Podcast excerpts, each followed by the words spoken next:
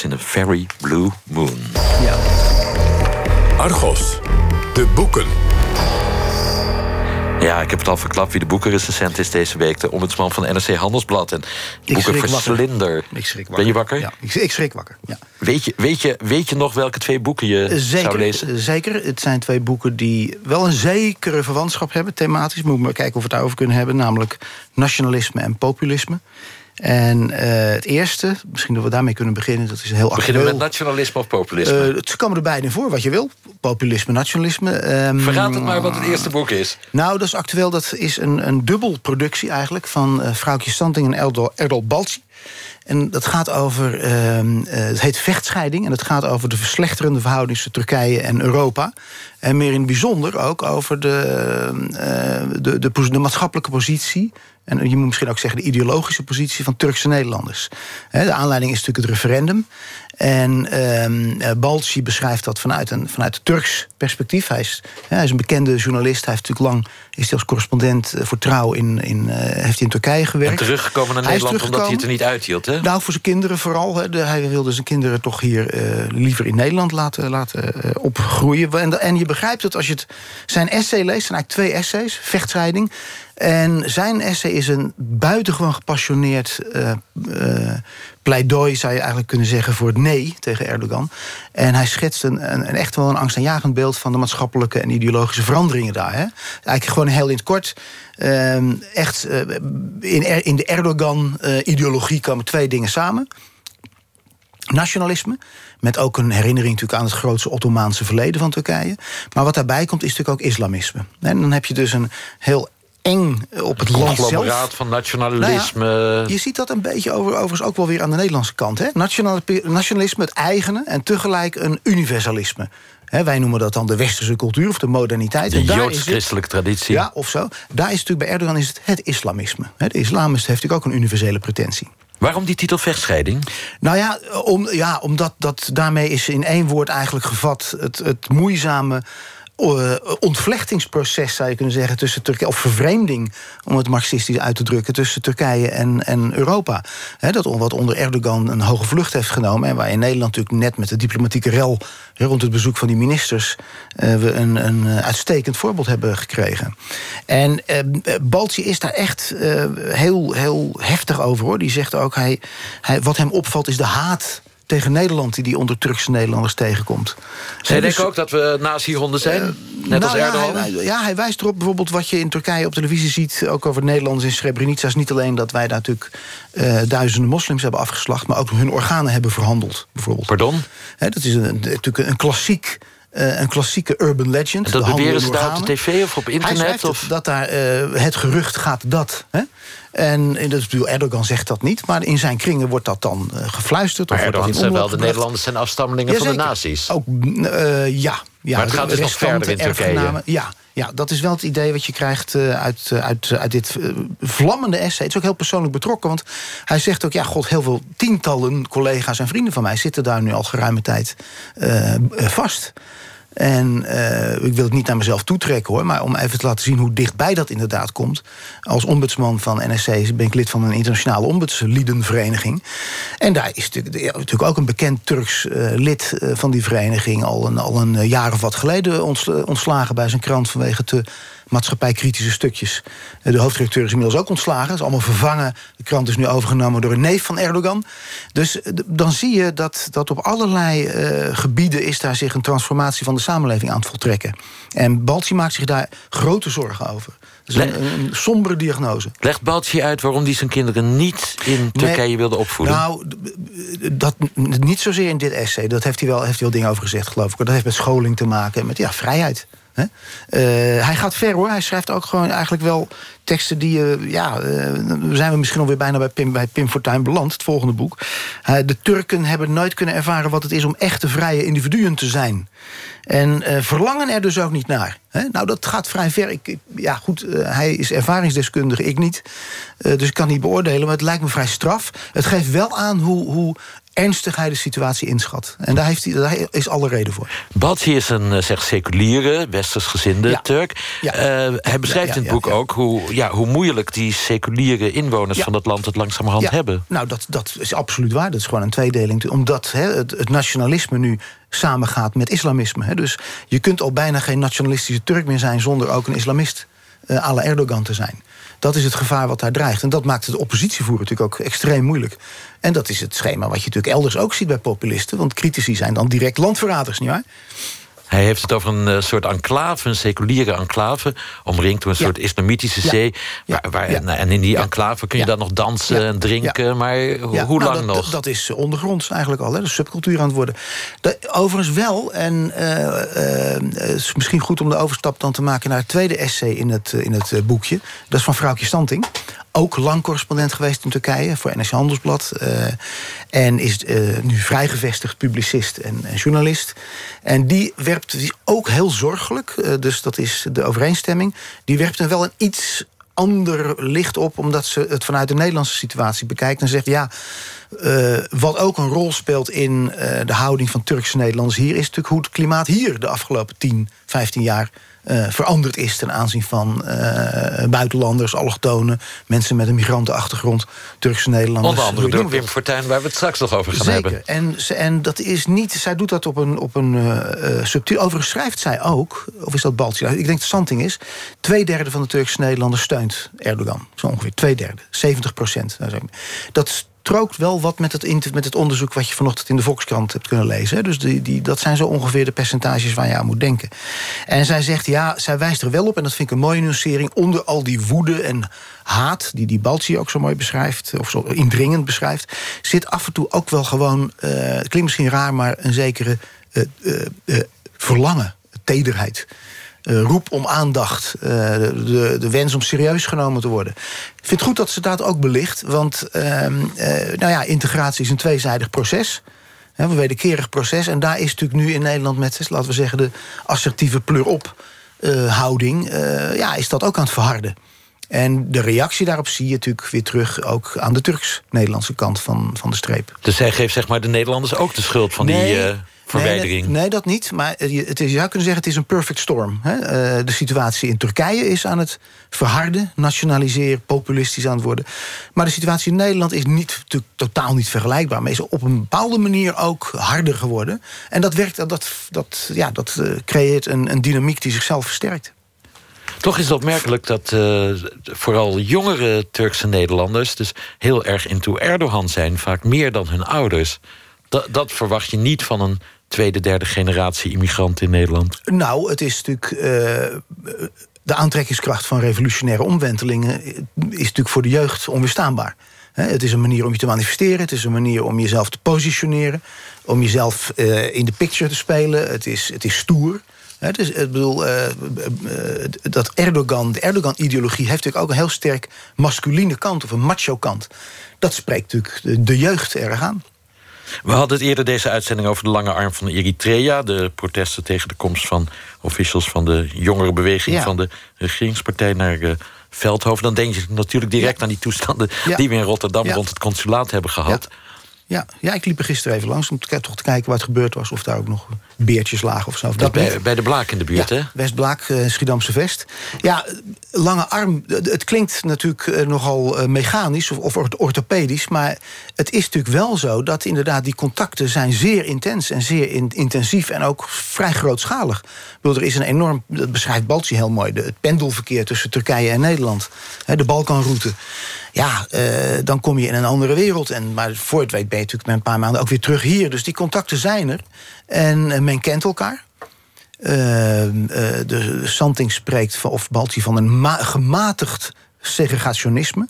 Turken zijn gematigd gesegregeerd van de Nederlandse samenleving. Dus het is wel een, een gemeenschap waar die, laten we zeggen, op die manier hecht in elkaar zit. Men kent elkaar, men weet wat elkaars positie is. Nou ja, kijk naar die hele, ik van die zeggen heksenjacht... maar de, de ophef over Gulen, hè, de Gulen-scholen. De Turkse ouders die hun kinderen van vermeende Gulen-scholen wilden halen. Ja, dat was, daar zie je hoe die, hoe die lange arm hoe dat hier tot, tot concrete eh, spanningen leidt. Moeten we daaraan wennen, denk je, Sjoerd?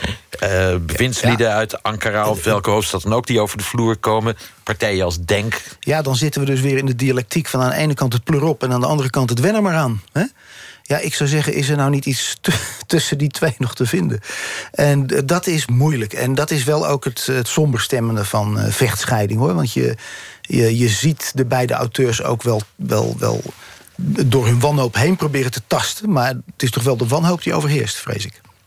Het is altijd moeizaam als twee mensen samen een boek schrijven. Nou, het, is niet, het zijn twee gescheiden stukken. Hè, dus het, het gaat vrij... Maar, maak je vraag eh, af. Nou, vind je dat geslaagd als vorm? Ja, Vind ik wel. Vind ik wel. Het is, kijk, is een moderne trend om gewoon een, een snel, stevig, lekker pakkend essay eh, op de markt te brengen. Met een, uh, een uitroepteken en dan een stelling ervoor te verzinnen.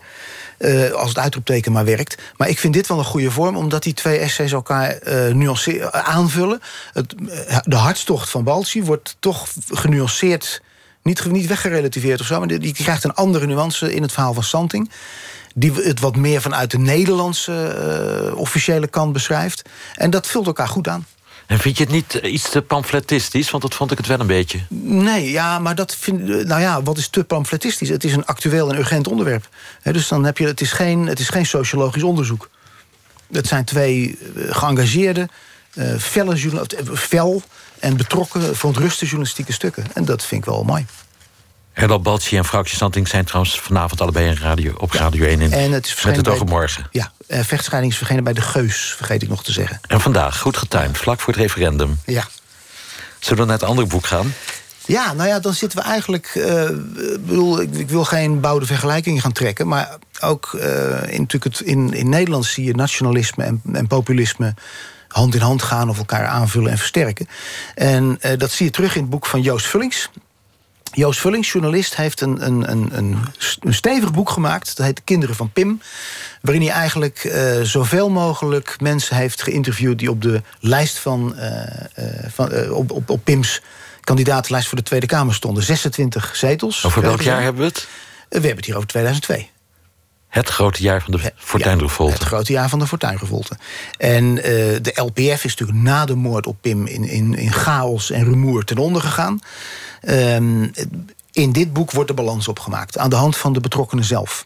En dat levert een... een ja, het is een interviewboek. Het, eh, dus hij, heeft, hij is erin geslaagd om de meeste te spreken te krijgen.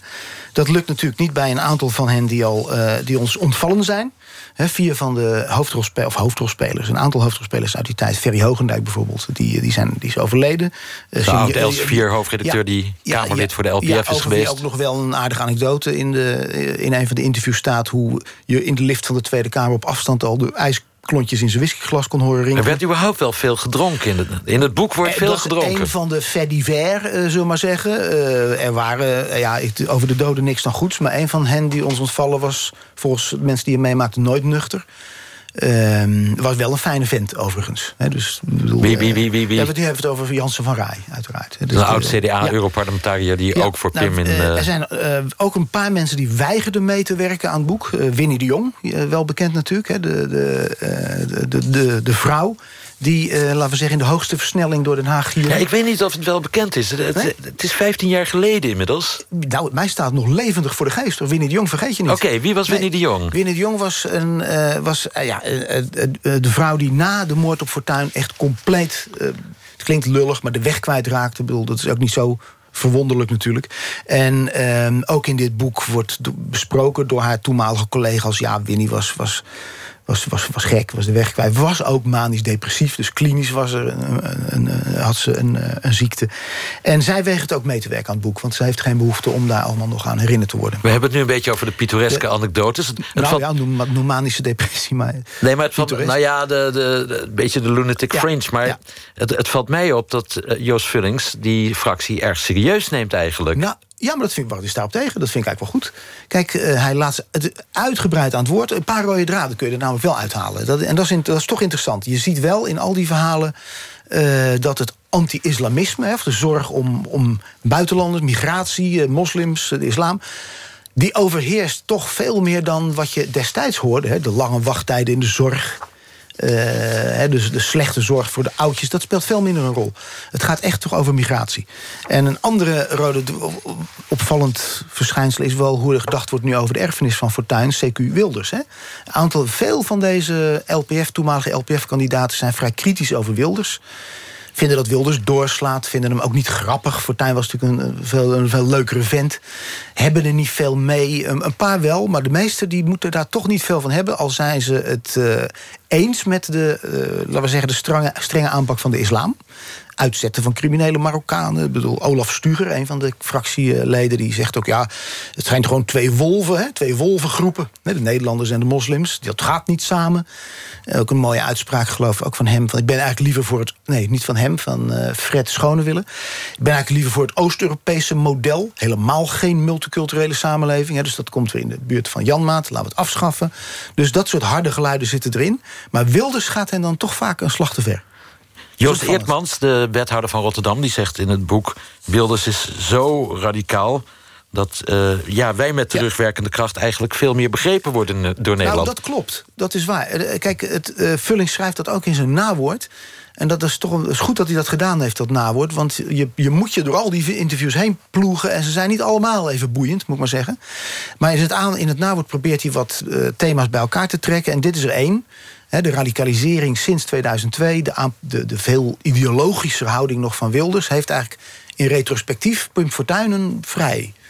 Uh, veel redelijker uh, mens gemaakt dan, uh, dan hij toen veel al gevonden werd door zijn critici. Er zijn meer boeken over de lijst Pim Fortuyn verschenen. bijvoorbeeld van jouw NRC-collega Jutta Gores en ja. Menno de Geland samen. Ehm, vind je dat die interviewmethode van Joost Vullings nieuws oplevert, vergeleken bij die eerdere boeken? Dat is, nee, dat is, er zitten wel nieuwtjes in. Uh, Matt Herbe vertelt dat er uh, ook detectives werden ingeschakeld... om twee fractieleden in de gaten te houden. Geen namen genoemd, maar helaas. Maar dat, hè, dus dan geef je... wou ik net vragen. Ja, nee, dat, ja, dat wilde Vullings ook graag weten. Uh, er is het verhaal over het pistool, als je dat nog kunt herinneren. Hè, Wijnschenk die met een pistool bedreigd zou zijn. Ja, door Gerard van As. Ja. Van As. Volgens Maxime Verhagen. Wijnschenk ontkent dat. Van As ook. Die, Wijnschenk zegt, was beeldspraak. Ik zei tegen Maxime, eh, ik voel me alsof ik een pistool op mijn borst heb. Maar Vullings heeft heel keurig Maxime Verhagen ook nog even uh, gebeld. En die zegt, nee hoor, dat is toch echt zo gezegd toen. Dus ja, daar komen we ook niet helemaal uit. Andere nieuwtjes, uh, maar dat weet niet of je dat al wist... Vertelt geloof ik ook Matt Herbe... dat Job Frieso nog een keer bij Pim thuis geweest is... nadat hij met dat uh, programma van Jan Maat had gezwaaid. Job Frieso was de politiek commentator van het Afvuurjournaal, NOS-journaal. Uh, ja, die in opspraak kwam omdat hij uh, in de uitzending zwaaide... met het toenmalig partijprogramma van de Centrumpartij. En, en daar Fortuyn mee vergeleek, met, met Jan Maat. Nou, dat was verschrikkelijk natuurlijk, dat was demonisering. blijken ze te hebben uitgepraat. Nou, zo zitten er meer nieuwtjes in... Maar echt grote dingen, nee. En dat komt natuurlijk omdat uh, Vullings, het is geen onderzoeksboek. Het is een interviewboek. Dus deze mensen vertellen uh, hoe zij terugkijken op die tijd. Um, en, en hebben natuurlijk ook, en dat is ook wel, een, wel, wel interessant het zijn allemaal natuurlijk enorme ego's. Of veel van hen hebben vrij grote ego's. Waren veel jongens uit het bedrijfsleven, vrije jongens. Ja, en dat merkt Vullings terecht op. Pim Fortuyn sprak twee soorten Nederlanders aan. Er werd veel gezegd. Gabriel van der Brink heeft dat ook weer opgeschreven.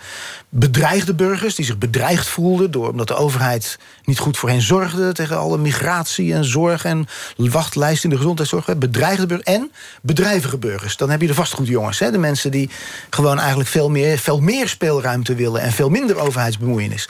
En het scheven van die lijst, Pim Fortuyn, was dat die bedreigde burgers kwamen er eigenlijk niet op voor. Het waren vooral bedrijvige burgers. Hè, ondernemers, medisch specialisten, mensen die zichzelf heel goed konden redden. En die ook al een zekere macht en status hadden toen ze op die lijst kwamen. En dat is natuurlijk opgebroken toen Fortuyn uh, er niet meer was. Want ja, uh, uh, op de vraag van Vullings of er ook wel dienstbare mensen in de fractie waren, schrijft hij, viel meestal een lange stilte. Ja, en dan ben je in de politiek toch vaak snel de weg kwijt. Dank je, Sjoerd. Ik noem nog even de boeken die je voor ons hebt besproken. Erdal Balci en vrouwtje Santing. Vechtscheiding. Hoe Erdogan de Turkse gemeenschapspleit uitgekomen bij uitgeverij De Geus.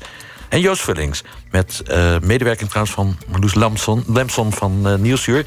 De kinderen van Pim. Uitgeverij Leboski in uh, Amsterdam vast. Dank je, Sjoerd. Dit uh, was Argos. Morgenavond meer onderzoeksjournalistiek... bij de collega's van Reporter Radio. Volgende week zijn wij er met een uitzending... over het zandpad in Utrecht. En straks Radar met Misha Blok.